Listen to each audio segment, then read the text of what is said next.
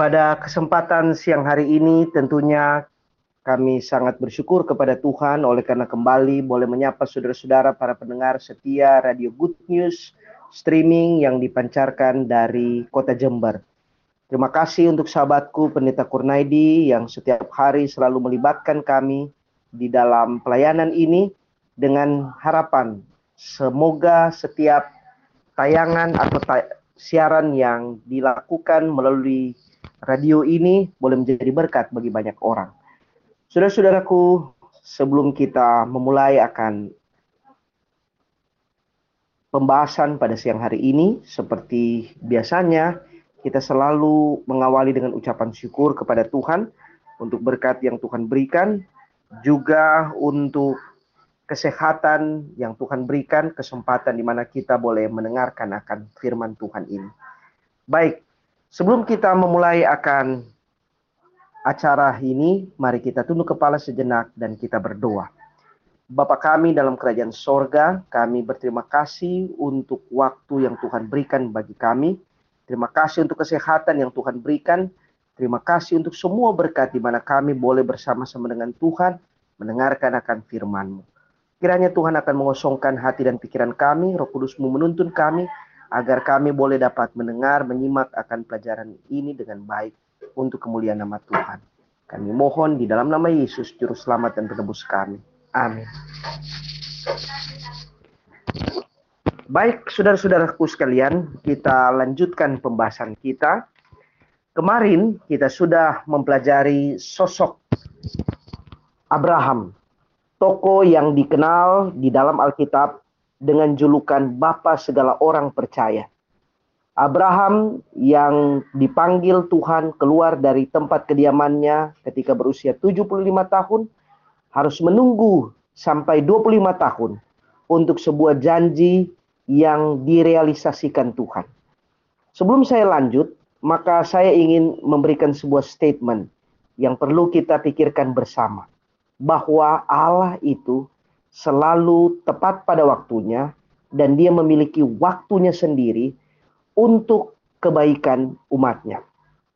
Jadi saudara-saudaraku sebelum kita lanjut maka kita harus pikirkan ketika keadaan terjadi dalam kehidupan kita, kita menanti sesuatu, kita mengharapkan sesuatu, maka yang harus kita tempatkan kerangka berpikir kita adalah apakah ini adalah bagian dari kerangka berpikir dan rencana Allah atau ini adalah kerangka dan pikiran rancangan manusia. Saya percaya bahwa ketika segala sesuatu dipikirkan dan diserahkan dalam kerangka berpikir Allah, maka itu jauh lebih baik dibandingkan ketika kita memikirkan dengan cara dan rancangan kita pada waktu kita mempelajari tentang Abraham, 25 tahun mungkin terasa lama. Tetapi Tuhan mengatur semuanya sehingga tepat pada waktunya, walaupun menurut mata manusia, Abraham akhirnya memiliki anak. Walaupun dalam kacamata berpikir manusia itu mungkin sangat terlambat, 100 tahun dan 90 tahun. Nah, apa yang ingin saya katakan adalah bahwa Abraham akhirnya memiliki anak Ishak di usia yang benar-benar secara rohani, secara spiritual, secara iman dia berada pada kondisi puncak. Jangan pernah lupa saudara-saudara. Terkadang Allah ingin memberikan sesuatu kepada kita bukan karena dia tidak siap. Dia selalu siap. Sewaktu-waktu dia ingin memberikan apa yang kita minta. Tetapi terkadang Allah harus menunda dengan melihat kesiapan kita secara iman. Jika kita telah matang, kita telah siap, maka Allah pun tanpa segan akan memberikan apa yang kita minta dan kita harapkan. Jadi kembali lagi, Ishak adalah anak yang dilahirkan di masa iman Abraham sangat matang. Bukan hanya usianya yang sudah sangat senja, tetapi imannya pada posisi matang. Nah, saya akan membahas pada beberapa hari ke depan, jadi mulai kemarin, empat generasi dengan karakteristik yang berbeda. Walaupun mereka sama-sama umat Tuhan, walaupun mereka adalah orang-orang yang berjalan bersama dengan Tuhan, tetapi ada karakteristik dalam hal rohani yang berbeda dari orang-orang ini. Perhatikan di sini. Dari empat generasi ini, Abraham, Ishak, Yakub, kemudian nantinya kita akan bahas tentang Yusuf. Maka perhatikan akan dua hal di atas ini, yaitu Abraham dan Ishak. Bahkan mungkin kita bisa bandingkan dengan Yakub. Perhatikan di sini, Alkitab mencatat lebih banyak kisah tentang Abraham dan Yakub. Sementara kisah tentang Ishak sangat sedikit. Dan hampir kita tidak temukan celah kesalahan dari seorang Ishak di sana, bukan? Kecuali dalam kisah di mana nampaknya Ishak membeda-bedakan kasih sayang terhadap dua orang anaknya, di mana istrinya menyayangi yang satu dan dia menyayangi yang lain, maka hanya di situlah kita menemukan celah yang kalaupun kita kritik tentang seorang pribadi Ishak. Selebihnya kita menemukan dia adalah seorang ayah yang baik, yang tidak pernah melakukan hal-hal yang tidak pantas seperti halnya ayahnya yang harus menikah dengan Hagar, yang harus menambah dengan Ketura, selain ibunya sendiri yaitu Sarah. Dan dia tidak sama seperti anaknya Yakub yang memiliki empat istri yang akhirnya menghasilkan banyak anak. Dia tidak seperti anaknya yang mungkin mendapati atau di Alkitab diceritakan begitu banyak kisah-kisah yang tidak menarik. Menyangkut kepribadian dan rumah tangganya.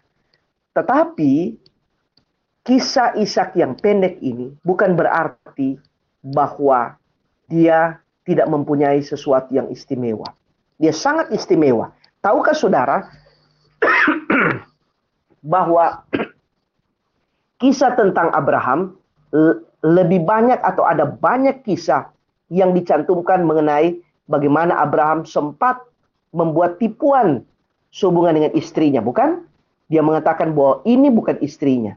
Di dalam kisah Abraham, di sana ada kisah tentang bagaimana perlakuannya terhadap istrinya yang lain, yang tidak fair, yang tidak adil, dan hal-hal yang lain.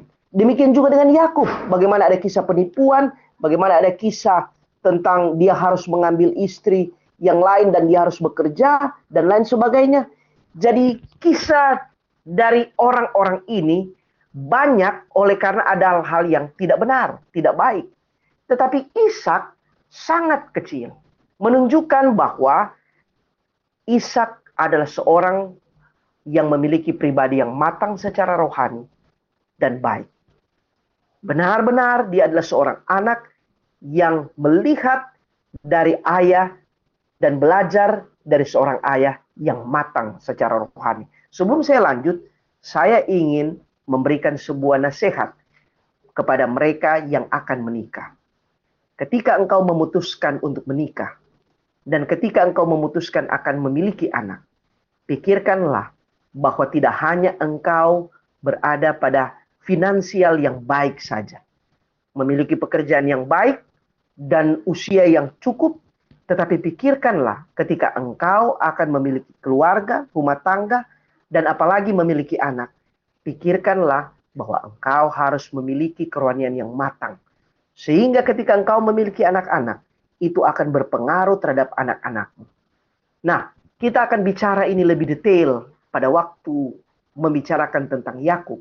Tetapi di awal pembicaraan ini, saya ingin memberikan kredit khusus kepada Ishak, seorang pria yang matang secara rohani dan menjalani hidup dengan baik, baik di mata manusia, di mata keluarganya, di mata orang lain, terlebih di mata Tuhan. Nah, sekarang kita pertama ingin bercerita tentang Ishak pada waktu dia harus memilih pasangan. Kemarin kita sudah mempelajari tentang Ishak yang akan dikorbankan tetapi tidak jadi. Lalu sesudah itu diceritakan ibunya meninggal. Dan sesudah pasal itu, maka kita akan dapati kejadian pasal 24, kisah tentang Ishak yang sudah berusia 40 tahun, kemudian belum menikah, lalu ayahnya sendiri sudah kehilangan istri atau ibu dari Ishak, dan kemudian berpikir keras bagaimana anaknya ini harus mendapatkan pasangan. Yang menarik adalah bahwa Abraham menyuruh hambanya Eliezer untuk mencari pasangan untuk anaknya dari daerah asal mereka. Saya sebenarnya memiliki pembahasan khusus untuk hal ini. Mengapa sehingga Abraham menyuruh untuk mengambil dari tanah asalnya dan bukan dari Kanaan. Saya hanya meringkaskan sedikit. Kenapa alasan itu dibuat oleh Abraham? Karena dia tahu di daerah Kanaan, selain orang-orang itu jahat, juga dilihat dari silsilah mereka ini datang dari keturunan yang tidak baik secara moral dan terlebih secara rohani. Itu sebabnya kenapa Abraham harus menyuruh hambanya Eliezer untuk mencari pasangan untuk anaknya dari tempat asalnya. Saya sering mendengar ungkapan orang-orang tua di Jawa ini menyangkut pasangan hidup. Pilihlah bibit bebet bobot. Pilihlah dari keturunan yang baik, dari pasangan yang kita ketahui latar belakangnya yang baik, sehingga dalam memberikan atau meneruskan akan keturunan pun, maka itu akan mendapatkan keturunan yang baik. Tidak ada salahnya, dan itu benar. Dan orang-orang muda harus belajar dari filosofi ini dalam menentukan pasangan hidup. Nah, sekarang kita kembali kepada kisah ini. Di dalam kisah ini diceritakan bagaimana seorang Abraham menyuruh akan pegawainya untuk mencari pasangan bagi Ishak anaknya. Panjang kisah ini oleh karena ada kurang lebih 67 pasal, maksud saya 67 ayat dari kejadian pasal 24 menceritakan seluruh kisah tentang hal ini. Tetapi yang ingin saya katakan adalah Perhatikan baik-baik catatan Alkitab di dalam kejadian pasal 24. Oh ya, sebelum lanjut, saya ingin memastikan bahwa saudara membuka Alkitab bersama saya. Dan saya ingin memastikan bahwa saudara membuka kejadian pasal 24. Karena itulah yang sedang kita bicarakan sekarang. Nah, saya tidak mengambil banyak waktu oleh karena waktu kita terbatas. Tetapi saya ingin memberikan PR untuk saudara. Baca baik-baik dan berulang-ulang. Maka saudara akan dapati di sana bahwa Eliezer sebelum pergi atau pada waktu dia pergi, dia berdoa. Jadi kita dapati di awal kisah ini, Abraham mendoakan akan Eliezer. Kemudian Eliezer pada waktu mencari pasangan ini, dia juga berdoa. Sudah dua orang yang berdoa, bukan? Lalu kemudian pada waktu kita membuka kisah ketika Ya kita ketahui bahwa akhirnya Eliezer menemukan orang yang tepat, yaitu Ribka. Dan kemudian pada waktu dia akan datang kembali, maka, maka di dalam kejadian pasal 24, mari kita buka kejadian pasal 24, di ayat 62 disebutkan begini. Adapun Ishak telah datang dari arah sumur lahar Roy. Ia tinggal di tanah Negeb. Menjelang senja, Ishak sedang keluar untuk berjalan-jalan di padang ia melayangkan pandangannya, maka dilihatnya ada unta-unta datang. Nah, di bahasa Indonesia hanya menyebutkan bahwa Ishak hanya jalan-jalan dan melihat-lihat sesuatu.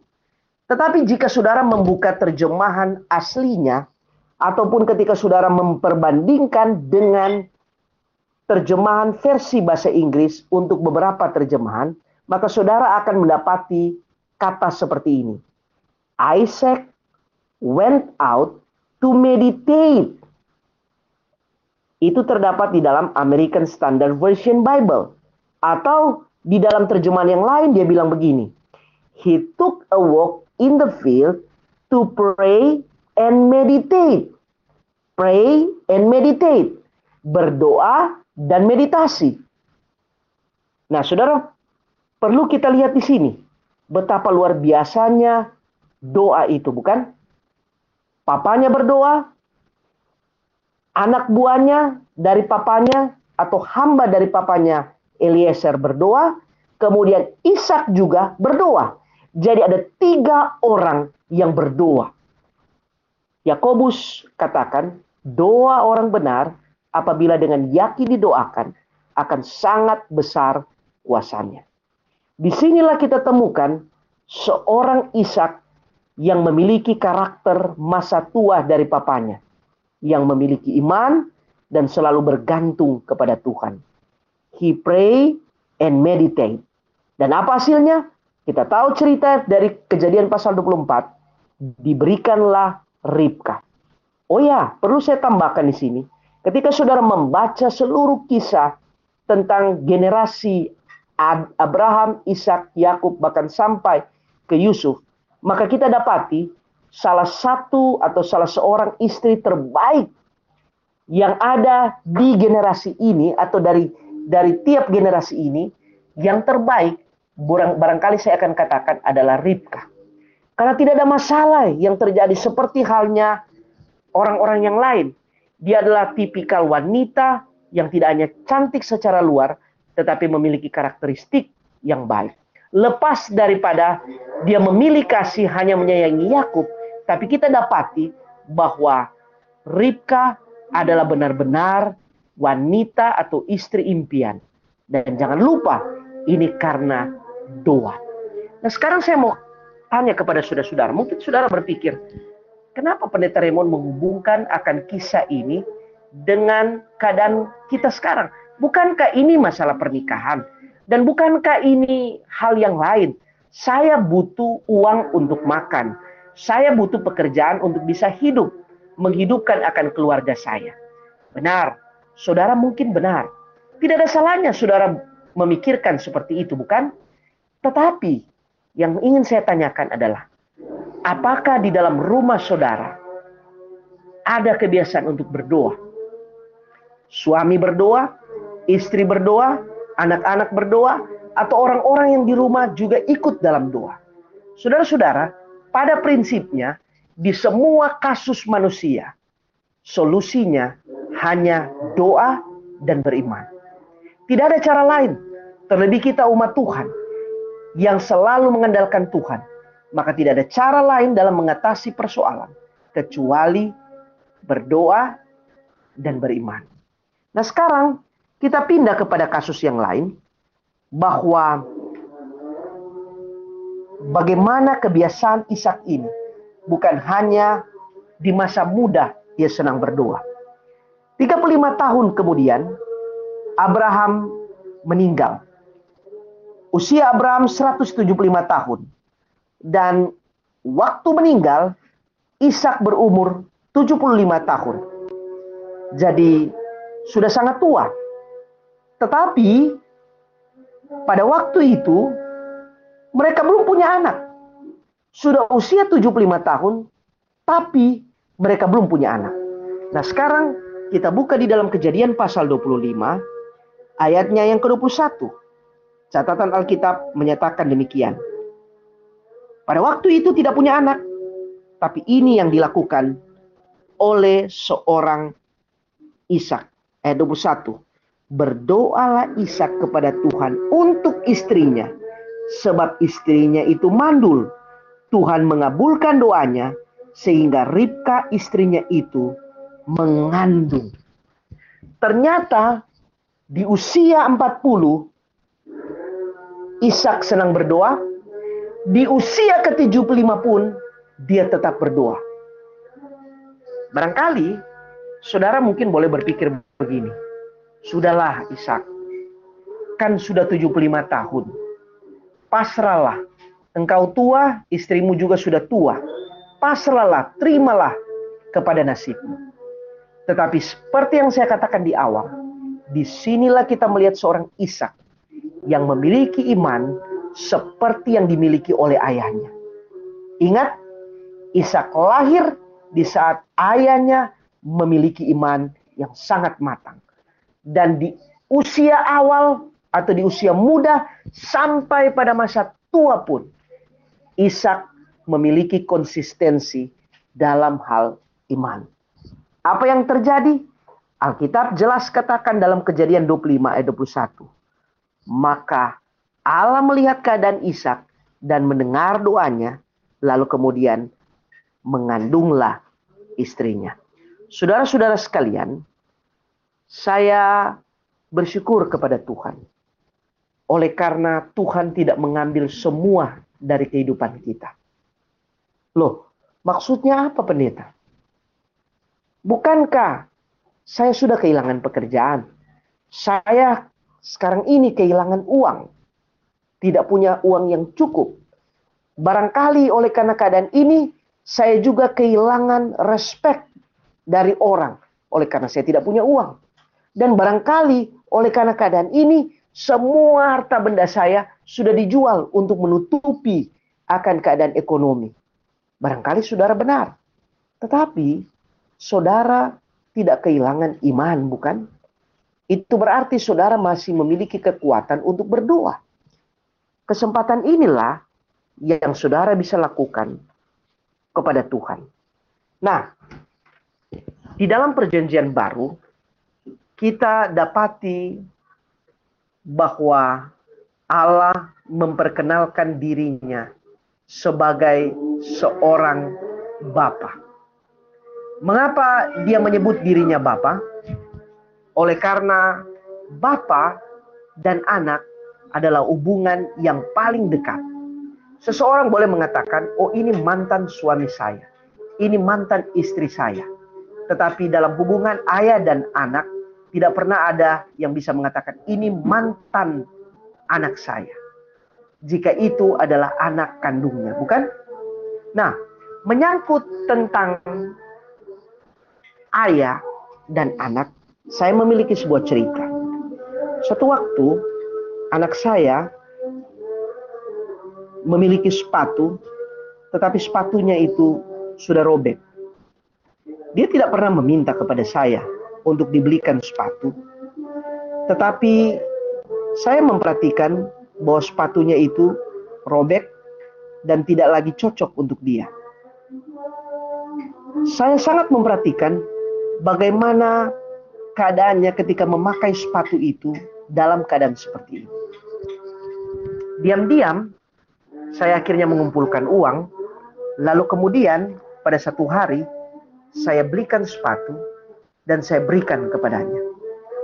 Oh luar biasa dia senang setelah memiliki sepatu yang baru itu. Dan dia berkata, bagaimana dia tahu bahwa saya butuh sepatu? Saya tidak pernah minta. Tetapi ini yang saya katakan. Bukankah saya selalu memperhatikan karena engkau adalah anakku. Jadi apa saja kebutuhanmu sebagai anak, maka ayah akan selalu memperhatikan apa yang menjadi kebutuhanmu. Saudara-saudara sekalian, ketika Abraham memohon untuk pasangan bagi anaknya, Tuhan mendengar doa ayah ini terhadap anaknya.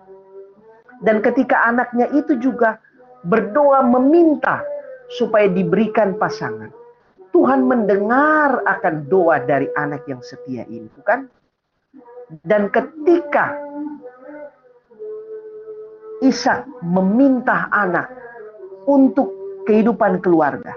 Tuhan juga mendengar di sana. Allah itu adalah Allah yang senang memperhatikan umatnya. Tapi tidak hanya sampai di situ. Allah itu juga suka menjawab doa anaknya. Juga tidak hanya sampai di situ.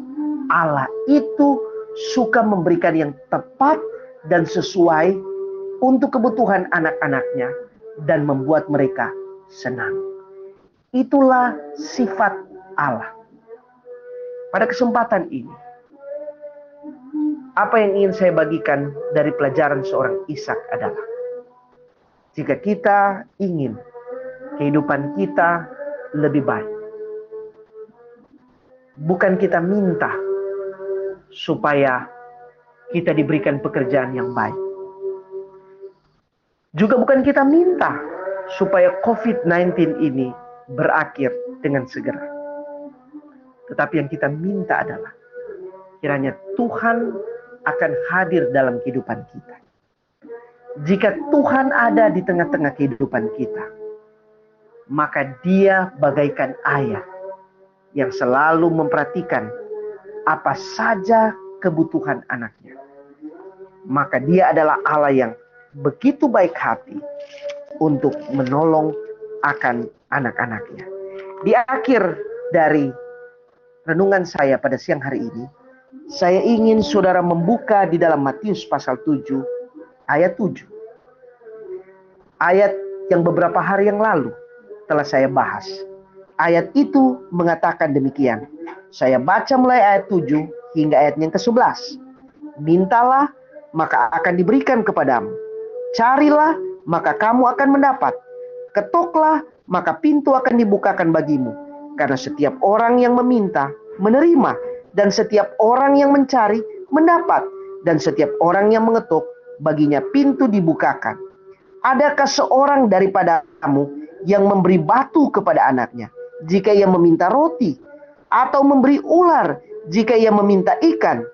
Jadi, jika kamu yang jahat tahu memberi pemberian yang baik kepada anak-anakmu, apalagi Bapamu yang di sorga, ia akan memberikan yang baik kepada mereka yang meminta kepadanya. Pelajaran sederhana dari seorang Ishak adalah seorang anak yang beriman yang mau meminta kepada Tuhan untuk kebutuhannya. Dan Tuhan selalu menjawabnya sesuai dengan kebutuhannya. Tuhan kiranya akan nolong kita siang hari ini bila mana kita melayangkan doa berkat untuk meminta pertolongannya menjadi bagian kita. Mari kita tunduk kepala dan kita berdoa. Bapak kami dalam kerajaan sorga, kami baru saja belajar dari pengalaman seorang Ishak yang sejak masa muda, bahkan ketika dia masih kecil, ayahnya menjadikan dia sebagai korban. Dia tetap menyerahkan dirinya dengan tulus hati. Dan ketika beranjak dewasa, ayahnya dan Ishak sendiri meminta untuk pasangan hidup dengan berdoa dan Tuhan menjawabnya. Bahkan sampai pada masa tuanya pun ketika dia meminta kehadiran anak di tengah keluarganya. Di saat ketidak atau kemustahilan bisa atau sedang atau bisa dialaminya. Tetapi Tuhan justru membuat kemustahilan itu menjadi ketidakmustahilan dengan hadirnya anak-anak di dalam kehidupan rumah tangga Ishak dan Ribka. Hari ini Bapak, kami ingin melakukan hal yang sama. Di tengah-tengah ketidakberdayaan kami menghadapi situasi ini, kami meminta pertolongan Tuhan untuk menolong kami. Bapak, dengarkanlah doa anak-anakmu, dengarkanlah permohonan kami untuk meminta pertolongan Tuhan. Kami percaya bahwa Tuhan menyiapkan berkat istimewa untuk masing-masing kami. Kami menyerahkan beban ini ke dalam tanganmu, karena kami minta doa ini di dalam nama Yesus, Juru Selamat dan Penebus kami. Amin.